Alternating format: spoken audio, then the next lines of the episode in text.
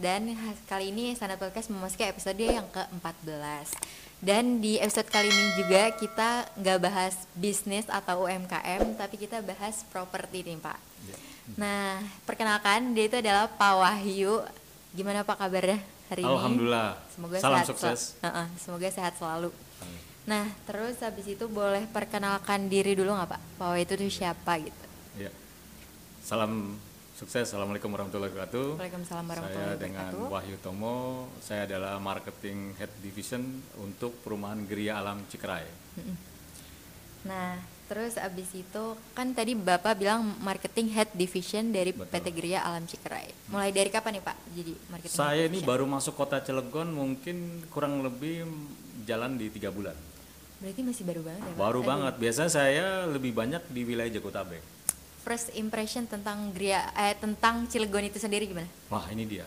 Saya pertama kali ditelepon untuk bergabung di Cilegon itu, yang di pikiran saya Mau itu Pak, Cilegon. dulu? Ya, Cilegon tuh pikiran saya cuma satu.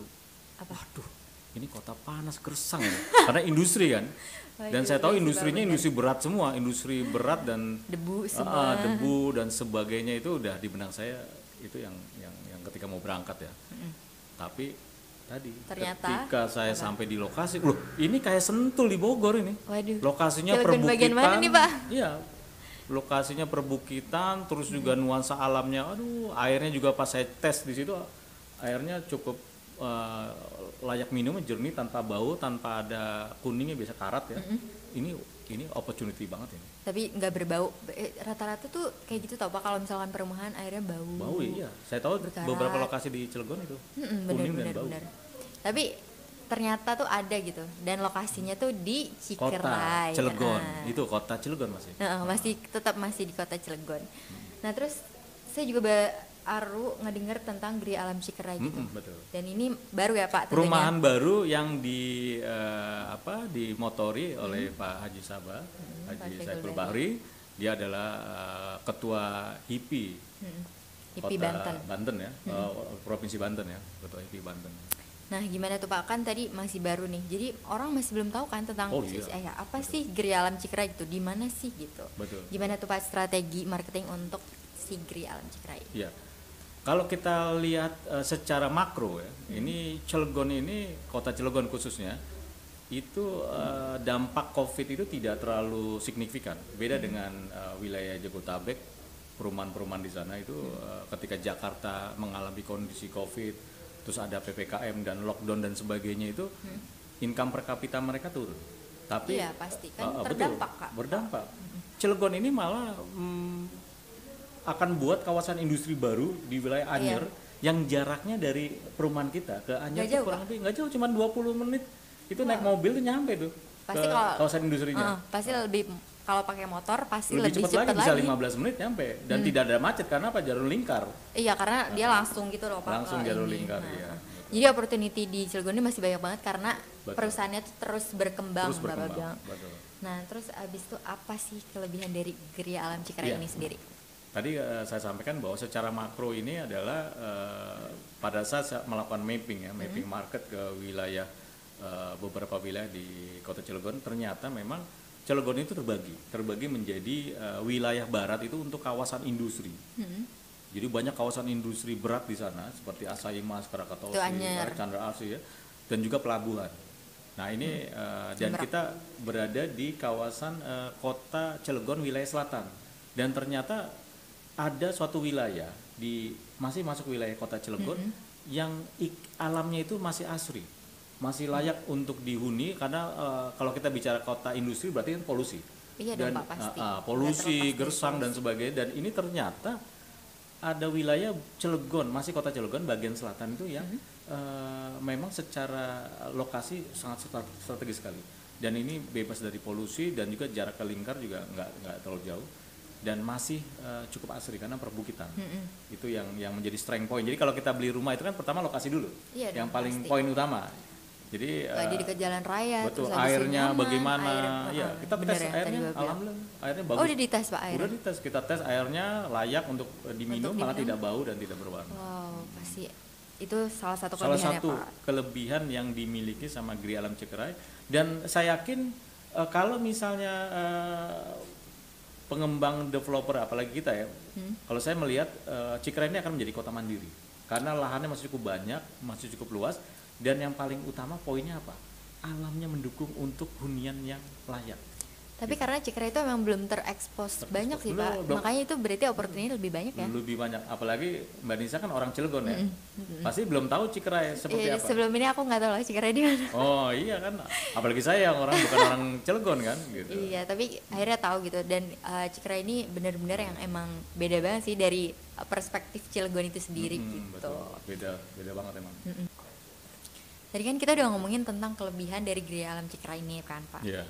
Nah terus tadi saya lihat harganya ini cukup mahal menurut saya karena saya sebagai sebagai milenial ya Pak cukup mahal harganya itu sebesar 378 juta gitu. Hmm, 370-an ya. Heeh, 370-an. Nah, apa tuh Pak? Kenapa harga dengan harga segitu tuh kita worth it banget untuk beli rumah di Giri Alam Cikrai? Oh iya, sangat worth it untuk dibeli. Karena membeli rumah itu yang paling utama adalah lokasi. Ya, Ini menjadi lokasi. barometer. Lokasi Geri Alam Cekrai berada di wilayah Cilegon bagian selatan yang akan menjadi pengembangan kawasan hunian. Malah kalau kalau saya analisa itu secara market ini akan menjadi kota mandiri untuk wilayah kota Cilegon ya. Dan eh, air dan udara menjadi barometer plus kontur tanah berbukit. Jadi kalau kita eh, berada di Cikerai di apa Cilegon wilayah selatan ya, itu seperti tidak di kota Cilegon karena bener-bener udaranya sejuk sekali gitu. Kayak kalau di Bogor tuh kayak di puncak gitu, kayak di Sentul. kalau saya karena karena saya bukan orang eh, Cilegon ya, saya Iya, iya. eh, baru melakukan analisa market yang yang saya lihat secara eh, apa kebutuhan perumahan karena kawasan industri di kota Cilegon tuh luar biasa. Cilegon wilayah barat itu industri eh, malah pengembangannya mau ada ratusan hektar lagi di wilayah Anyer yang jaraknya yang tadi saya bilang cuma 15 deket sampai banget ya, 20 iya kurang lebih 20 Nggak butuh menit. waktu lama. Nggak butuh lama. Nah terus juga Cikrai juga bukan tempat yang panas, terus habis itu banyak tempat wisata. Yang Banyak saya tempat tahu wisata. sih Cikrai itu banyak sih tempat wisatanya. Mm-mm, tapi eh, kalau tadi dibilang mahal, ya mungkin ada harga, ada barang ya. Iya. Maksudnya banyak eh, konsumen-konsumen kita yang sudah beli di kita, itu dia sebelumnya beli rumah-rumah yang mungkin kategorinya rumah subsidi. Yang baru tiga tahun dia eh, beli itu, mohon maaf, gentengnya udah rontok semua. Terus kualitas bangunannya juga Dengan karena harga rumah yang murah. biasanya subsidi itu 150 ya. 150-an betul. Dan dia habis renovasinya mungkin sekitar 50 juta. Dan itu ya mohon ya. Malah jatuhnya harganya sama kayak Giri harganya Alam bisa ini ya. bisa pasti. mendekati kita malah eh, dengan konsep yang kita punya ini eh, sangat worth it untuk dibeli. Karena apa? Yang tadi saya bilang bahwa sistem security-nya sangat secure. Jadi kita menggunakan standar eh, manajemen assetnya yang yang di, di- dipakai di perumahan-perumahan elit di Jakarta dan kita asop Nah, kita asop ke konsep Masih perumahan jarang kita ya Pak kalau di Cilegon. jarang sekali. Malah kecenderungannya yang perumahan yang mewah aja yang saat ini ada Hmm. di wilayah dekat kita yang harganya di atas 500 jutaan itu masih bisa ditembus gitu. Saya udah tes. Oh, Itu bisa iya. tembus masuk ke Jadi Bapak juga melakukan survei iya. sebelumnya. gitu. Semua kita sudah lakukan survei dan itu mudah sekali orang masuk dengan penjagaan yang yang nggak terlalu ketat. Nah, di sini nanti Bapak Ibu sekalian kalau beli di perumahan kami itu sistem keamanannya sudah sangat secure, sangat sangat ketat. Kenapa? Karena rumah itu menjadi hunian. Hunian untuk istirahat tanpa diganggu sama yang namanya kolek collection ya, kolektor biasanya, marketing. Kayak saya ini suka ganggu nih gitu Tapi Tapi eh, itu nggak mungkin ke betul situ gitu karena nggak mungkin benar. uh, bisa masuk tanpa terverifikasi tanpa uh, penjagaan yang yang kita miliki dan itu memang menjadi barometer di perumahan kami selain uh, fasilitas uh, yang lainnya Berarti ada harga dan ada barang Ada yang akan barang. kita dapetin gitu. dan dan yang paling utama adalah uh, tadi konstruksi bangunan kita beli satu lantai dapat struktur bangunannya dua lantai Heeh, karena itu bakal lebih hemat budget sih Pak betul jatuhnya. heeh. Jadi nggak perlu takut. Konstruksinya bagaimana? Saya kan beli satu lantai. Nih dapatnya dua lantai. Dikasihnya besinya besi 12 besi 10 coba ke perumahan lain. Bandingin. Nanti kalau bapak ibu sekalian mau survei ya ke lokasi kita lihat. Karena itu bukan rumah contoh lagi. Itu sudah sudah uh, rumah konsumen yang kita bangun. Oh iya, Ah, jadi udah langsung aja sudah ke rumah ah, konsumen. betul. Dibandingin. Dan kebanyakan konsumen kita udah muter-muter ke perumahan-perumahan yang ada di sekitaran kita. Eh balik lagi ke kita untuk beli. Wow. karena kelebihan-kelebihan yang kita miliki tadi. Nah, terus habis itu juga ada promo nih Pak yang saya lihat. Nah, jadi ada furniture dan uh, bisnis franchise. Mm-mm. Gimana tuh Pak? Jadi kita milih itu antara dua hadiah itu. Nah, ini untuk di bulan Oktober, khusus di bulan Oktober ini Tuh, kita spesial kasih banget di bulan bener Oktober. banyak hadiah.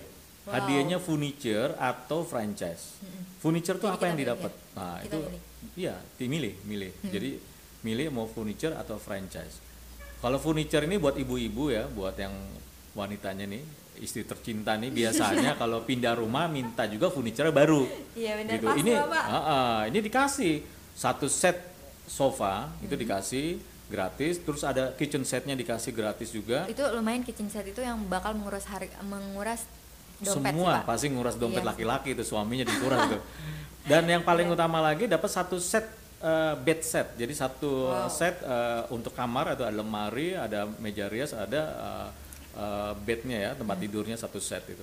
Dan eh, ditambah lagi ada nakas untuk eh, TV ya. Itu juga kita berikan. Jadi ibaratnya Bapak Ibu sekalian ketika nanti suami memutuskan untuk membeli rumah di kita jangan takut. Harus dong. Iya, jangan takut. Istrinya minta furniture baru udah disiapin. wow. Dan furniture baru ini kita sudah uh, kualitasnya itu yang biasa uh, supply ke apa uh, supermarket ya uh, furniture seperti Furniture. IKEA atau Informa ini kita workshopnya langsung dan dia juga supply ke sana Berarti jauh harganya bakal jauh lebih banget murah. jadi kalau gitu. kualitas kalau kita gratis lagi kan? oh dikasih gratis nah itu kasih gratis yang paling utama gratisnya itu kan Iya. Gitu.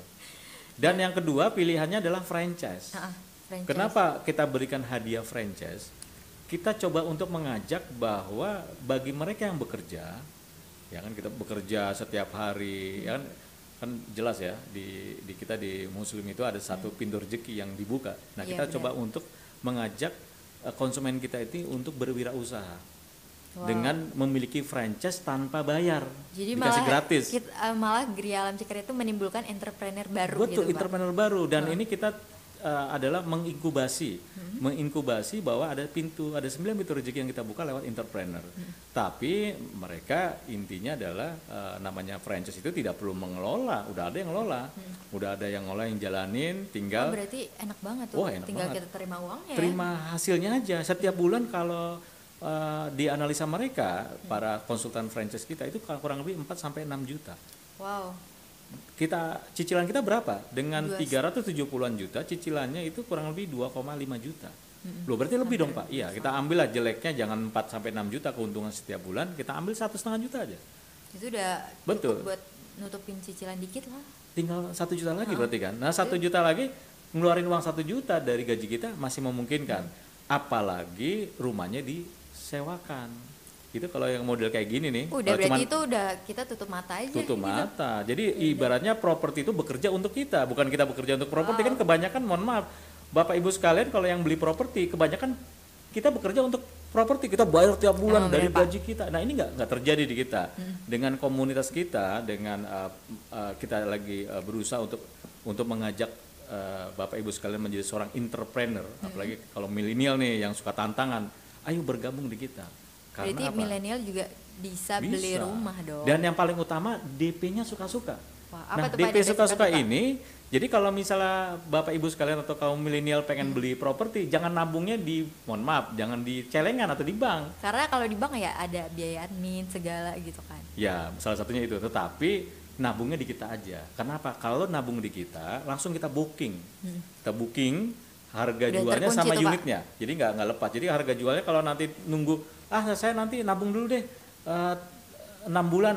Pasti bakal naik Iya, kan? ketika tabungannya Naik cukup, propertinya. mau bayar ke kita, eh propertinya udah naik cukup. harganya. Iya benar. Betul. Yang paling paling yang paling ya, ini unitnya udah nggak ada. Nah ini nabung aja di kita berapapun nilai rupiahnya kita hargai bukan ngelihat dari nilai rupiahnya tapi dari niat dia ingin memiliki properti itu yang menjadi uh, fokus kita.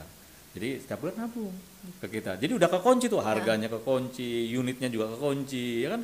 Enak nggak? Nanti Enak nabung dong. tiap bulan dia gaji misalnya 8 juta, ya 25% atau 20% masuk. Apalagi kaum milenial kan apa sih? Cuma hangout doang kan apa Iya jalan-jalan Kadang, kadang kita makan tuh dan kayak lebih untuk ke hal-hal yang konsumtif kayak hangout Iya. terus beli-beli uh, Oh. barang-barang yang apa ya pak yang malah nurun nanti sering berjalannya Shopping, ya. waktu iya benar pak Nah, gitu. Jadi eh, kenapa kita pilih eh, hadiah-hadiah ini? Yang harapan kita adalah untuk khusus untuk franchise ya, Bapak Ibu sekalian dan kaum milenial khususnya eh, jadilah seorang entrepreneur. Jadi melengkapi satu pintu rezeki kita sebagai karyawan. Mm, benar. Karena harapan kita ketika nanti eh, usahanya jalan, eh, oh iya ternyata ada benefit dari keuntungan dari eh, franchise tadi ya. Mm. Kita yang tadi saya bilang nggak perlu kalau kalau para konsultan kita bilang kan 4 sampai 6 juta keuntungannya. Tapi saya ambil satu setengah juta aja. Jangan tiap bulan. itu keuntungan loh 4 keuntungan sampai 6 bersih. juta itu 4 sampai 6 juta tapi kita ambil satu setengah juta. Sewa rumahnya rumahnya disewain satu setengah juta ini nggak mati nih. Nggak gila. Pasti ya, ah. tapi emang rata-rata tuh emang 1 sampai 2 juta sih pak kalau misalkan sewa untuk rumah yang sebesar Iya, ini ya pak? model-model kayak gini ya dengan konsep tadi ya one gate system udah pasti kamera iya pasti mahal. Dan eh, sistem security-nya sangat secure sangat ketat itu biasanya banyak ekspatriat yang yang suka dengan konsep Hmm. eh, model perumahan seperti itu. Dan kita ya tadi eh, dengan dua setengah juta setiap bulannya cicilan tiap bulan itu itu pasti ketutup lah. Ketutup udah pasti yang buat milenial itu bisa beli Bisa dengan beli. kayak nggak beli rumah gitu kan? Betul jadi intinya adalah properti bekerja untuk kita. Iya benar tuh. Ya kan? Enak kan? Punya pasif income kan? Dari usahanya dapat dari eh, sewa propertinya dapat. Dan ini kita punya komunitas. Apa tuh, komunitas membeli properti lebih dari satu. Wow satu Wah, aja udah mikir tuh iya. pak gimana bayar cicilannya? Eh, kalau di kita itu coba eh, marketing kita itu diharapkan bukan di level marketing. Apa? Jadi jualan itu kalau kebanyakan wah marketing atau sales lagi apalagi Hmm. sales. Ini jangan. Kalau saya coba mendidik marketing saya naik satu level di atas marketing menjadi seorang financial planner. Jadi properti bukan menjadi subjek utama untuk berjualan. Jadi udah jadi objeknya. Subjeknya adalah pensiun bahagia. Nah itu nanti ada ada pembelajaran ya buat kaum milenial nih yang pengen belajar berinvestasi di properti tapi tanpa mau mengeluarkan uang Hmm. tanda kutip gaji ya. Waduh. Waduh. ini bisa membeli properti di kita apalagi yang sudah punya rumah pengen punya rumah dua ayo bergabung tadi saya udah kupas sedikit.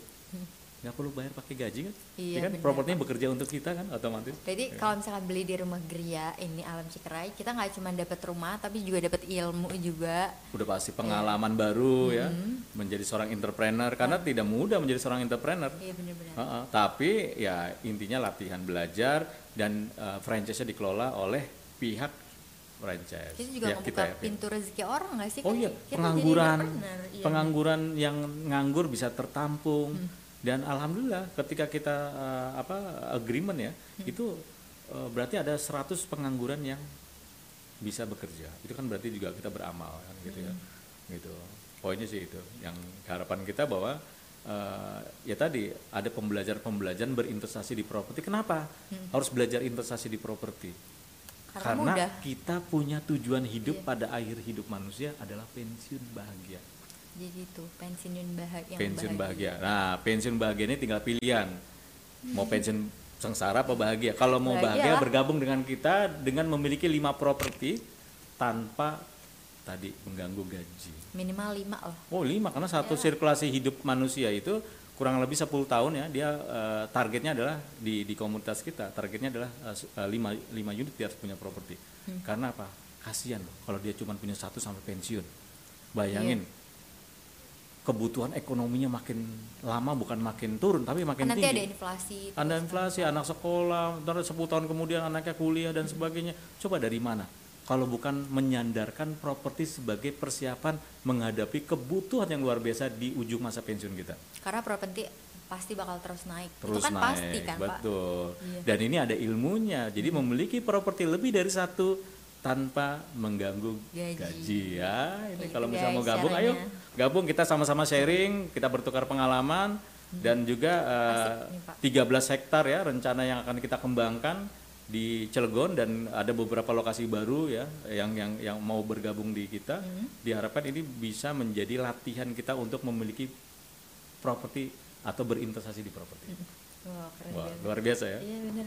Jadi saya juga jadi tertarik nih. Iya, harus tertarik dong gitu. Ah. Nah, terus tadi kan Pak, eh, terus ini kan sekarang lagi masih pandemi nih Pak. Hmm. Terus tapi Bapak harus jualan rumah gitu. Nah, gimana tuh strateginya buat tips marketing untuk untuk kayak developer yang masih sekarang juga jatuh tuh Pak. Jadi gimana untuk Ya, ini memang strategi marketing yang kita terapin ini agak sedikit eh, mungkin teman-teman eh, marketing ya mengalami dilematik karena kondisi PPKM dan sebagainya untuk Iya. beberapa wilayah meng- terganggu, tapi khusus untuk Cilegon saya lihat tidak ada sedikit pun ya income mereka yang ya mungkin berdampak tapi tidak parah seperti di wilayah lain karena malah industrinya mau bertambah dan ini luar biasa market eh, potensi marketnya luar biasa malah demand-nya makin meningkat makin ya Pak meningkat. Tapi memang mereka butuh suatu hunian yang eh, benar-benar memiliki eh, modern. Yang pertama konsepnya harus modern, Mm-hmm. udah smart home, udah eh, apa namanya jaringan wifi dan sebagainya. Yang kedua adalah eh, apa comfort, nyaman. Mm-hmm. Nyaman itu ya tentunya air dan udara, tidak terpolusi, tidak pasti bau. dong. Kalau Nah, air tuh pasti tau Pak. Terus yang ketiga adalah privacy. Jadi harus benar-benar eh, sistem security tadi saya bilang harus secure sistem security-nya dengan memiliki eh, privacy yang eh, cukup nyaman gitu. seperti itu. Terus desainnya juga harus eh, bagus dong. Harus ini kan Betul. Ini dia. Ini desain ini kalau kita pergi dari arah Tangerang menuju ke BSD menuju ke gini sih, Bekasi. Iya, ini ini Skandinavia ini lagi digandrungi. Kenapa digandrungi? Ayo, Mbak Nisa. Kenapa? Karena eh, bagus Pak rumahnya. Kayak Pertama- terlihat aja mode- lebih modern dan kayak Betul. bagus aja. Bu, selain bagus, Skandinavia itu meng- eh, mengutamakan fungsi. Mm-mm. Jadi kalau kita bicara eh, Eropa ya gaya Eropa ini emang dia untuk untuk Skandinavia itu mengutamakan fungsi. Maksudnya apa? Kenapa tinggi plafonnya sampai 7 meter? Loh, untuk apa tinggi-tinggi? Loh, di kita panas loh, cahayanya full dan sebagainya. Ternyata ketika kita WFA ya kerja di rumah itu bisa di- difungsikan. Jadi eh, di ruang eh, keluarga karena plafon tinggi 7 meter itu bisa menjadi double deck atau rumah dengan dua lantai di dalamnya. Jadi bisa buat kerja. Kalau misal punya anak kan nggak mungkin masa mau kerja di mana tuh eh, orang tuanya? Di ruang keluarga ada TV, Iya, di ruang tamu nanti ada tamu. Nah itu di, di- Itu ternyata dilemanya sih, Pak, kalau misalkan iya. rumahnya- rumahnya bikin ruang kerja di di atas. atasnya karena tinggi plafonnya 7 meter kan cukup cukup eh, bermanfaat. Itulah fungsi dari Skandinavia yang kita punya. Jadi bisa di-upgrade. Dan apalagi kita rumah satu lantai belinya dapat konstruksi dua Untuk dua lantai. lantai. Pembuktiannya apa? Pembesiannya pakai besi 12, Hmm. besi 10 dan ada 20 tiang atau kolom. Hmm. Kebanyakan cuman se- 12 kolom. Ini kita pakai 20 kolom loh. Jadi kalau Bapak Ibu sekalian atau kamu Melinda mau lihat langsung silakan. Langsung aja cek lokasi. lokasi. Iya, cek lokasi. Karena pengen bukti betul nggak? Dan ini yang kita bangun ini punya eh, ada dokter di di Hmm. apa di Pulau Ampel ya, di Merak sana. Itu kita lagi bangun nih. Jadi bukannya rumah contoh lagi udah rumah. Udah langsung rumah Oh, oh, rumah konsumen Iya, gitu. benar. Jadi emang udah pasti lah. Terus juga udah pasti ini tuh akan berkembang lebih baik lagi. Betul. Dan eh, secara analisa market saya, Hmm? ini Cikere akan menjadi kota mandiri karena area lokasinya eh, cukup luas dan bisa menjadi kota. ma- Ketika ada kota mandiri, berarti ada fasilitas mall di dalamnya ada ya fasilitas semua yang Tapi berhubungan tanpa dengan mengganggu keasrian itu ya Pak pasti. betul dan lebih bagus nanti. Saya yakin investor akan masuk Ke ke, Cikere wilayah dong. Cikere, iya. Oh, keren. Saya yakin sekali karena eh, kita sudah coba untuk riset ya dan itu masih banyak lahan-lahan kosong yang Oh. Siap untuk Jadi digarap nanti pasti akan lebih berkembang. akan lagi. berkembang banget. Ya, jadi siap-siap beli dari sekarang karena kalau belinya udah sudah mulai berkembang, Hmm. apalagi sudah mulai banyak perumahan ya mohon maaf harganya berbeda. Hmm. Ini harusnya harga kita itu di antar di atas 470-an atau naik 100 juta dari harga yang sekarang. Hmm. Apalagi khusus untuk pembelian cash, jadi cash keras. Ya, jadi kalau itu kan tadi KPR ya atau uh, cash bertahap. Jadi kita ada cash bertahap tiga tahun. Hmm. Jadi bagi mereka yang suka dengan konsep uh, syariah ya itu bisa tiga tahun kita kasih atau cash keras. Nah cash keras ini itu, Pak, cuman 250 juta. Wow. Wah ini Harganya tapi beda jauh deh sama yang tadi 370-an. Iya. Terus sekarang di cuman 250 juta. tapi sampai tanggal 15 Oktober ini. Wow. tuh 15 Oktober ini nih. Ah, ah. Jadi kalau Bapak Ibu sekalian mau uh, berinvestasi di properti segera, segera mungkin apalagi ini Karena waktunya cuma sampai oh, sampai 15 tanggal 15 Oktober karena kita akan persiapan untuk masuk soft launching. Jadi nanti kita akan infokan bahwa Hmm? konsumen-konsumen kita yang udah beli ini di, akan diundang di acara soft launching kita di lapangan. Oh, keren banget. Iya betul, keren ya.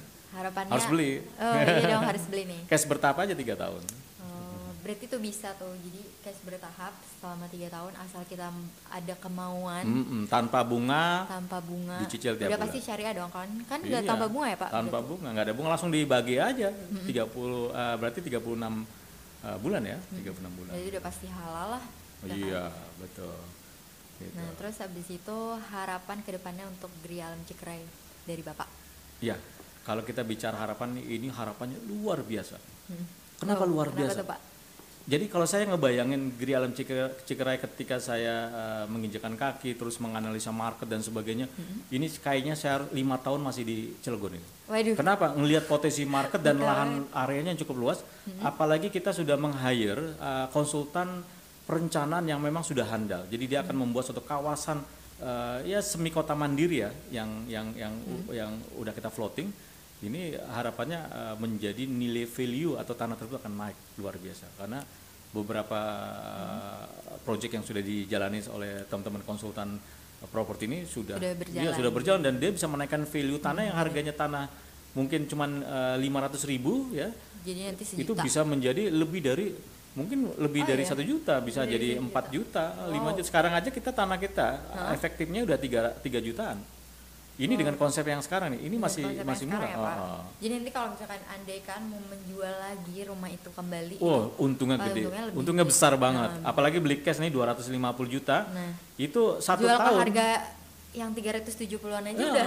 betul. Untungnya Untungnya udah besar. Apalagi nanti di, di satu tahun kemudian. Jadi kalau kita bicara investasi properti, Hmm. jangan jangan beli properti lima tahun kemudian baru dijual. Nggak usah. Beli sekarang 250 juta, nggak sampai setahun jual 370-an juta. Oh, dengan harga ini ya, harga dengan publish. harga publish. Kalau nanti naik dia akan mengikuti harga kenaikan. Tapi saya yakin sih harganya pasti berkembang Hmm. karena kita lagi pembenahan terus di eh, lokasi gitu. pasti pada tertarik sih Pak. Soalnya eh, pengembalian investasinya juga cukup besar cukup banget. besar, cukup besar sekali gitu. Baik, Gak kerasa nih Pak, kita udah di akhir eh, podcast kali ini. Terus terakhir aku mau nanya tiga kata yang menggambarkan Pak Wahyu apa tuh? Iya. Tiga kata. Tiga kata itu adalah yang pertama solution. Oh, solution.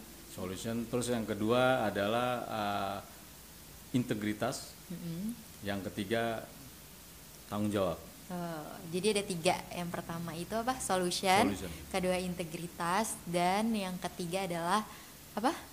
Eh, tadi Tanggung jawab. tanggung jawab. Oke, sekian aja untuk podcast kali ini dan jangan lupa dengerin di YouTube dan Spotify. Sampai jumpa di pertemuan berikutnya. Wassalamualaikum warahmatullahi wabarakatuh. Waalaikumsalam.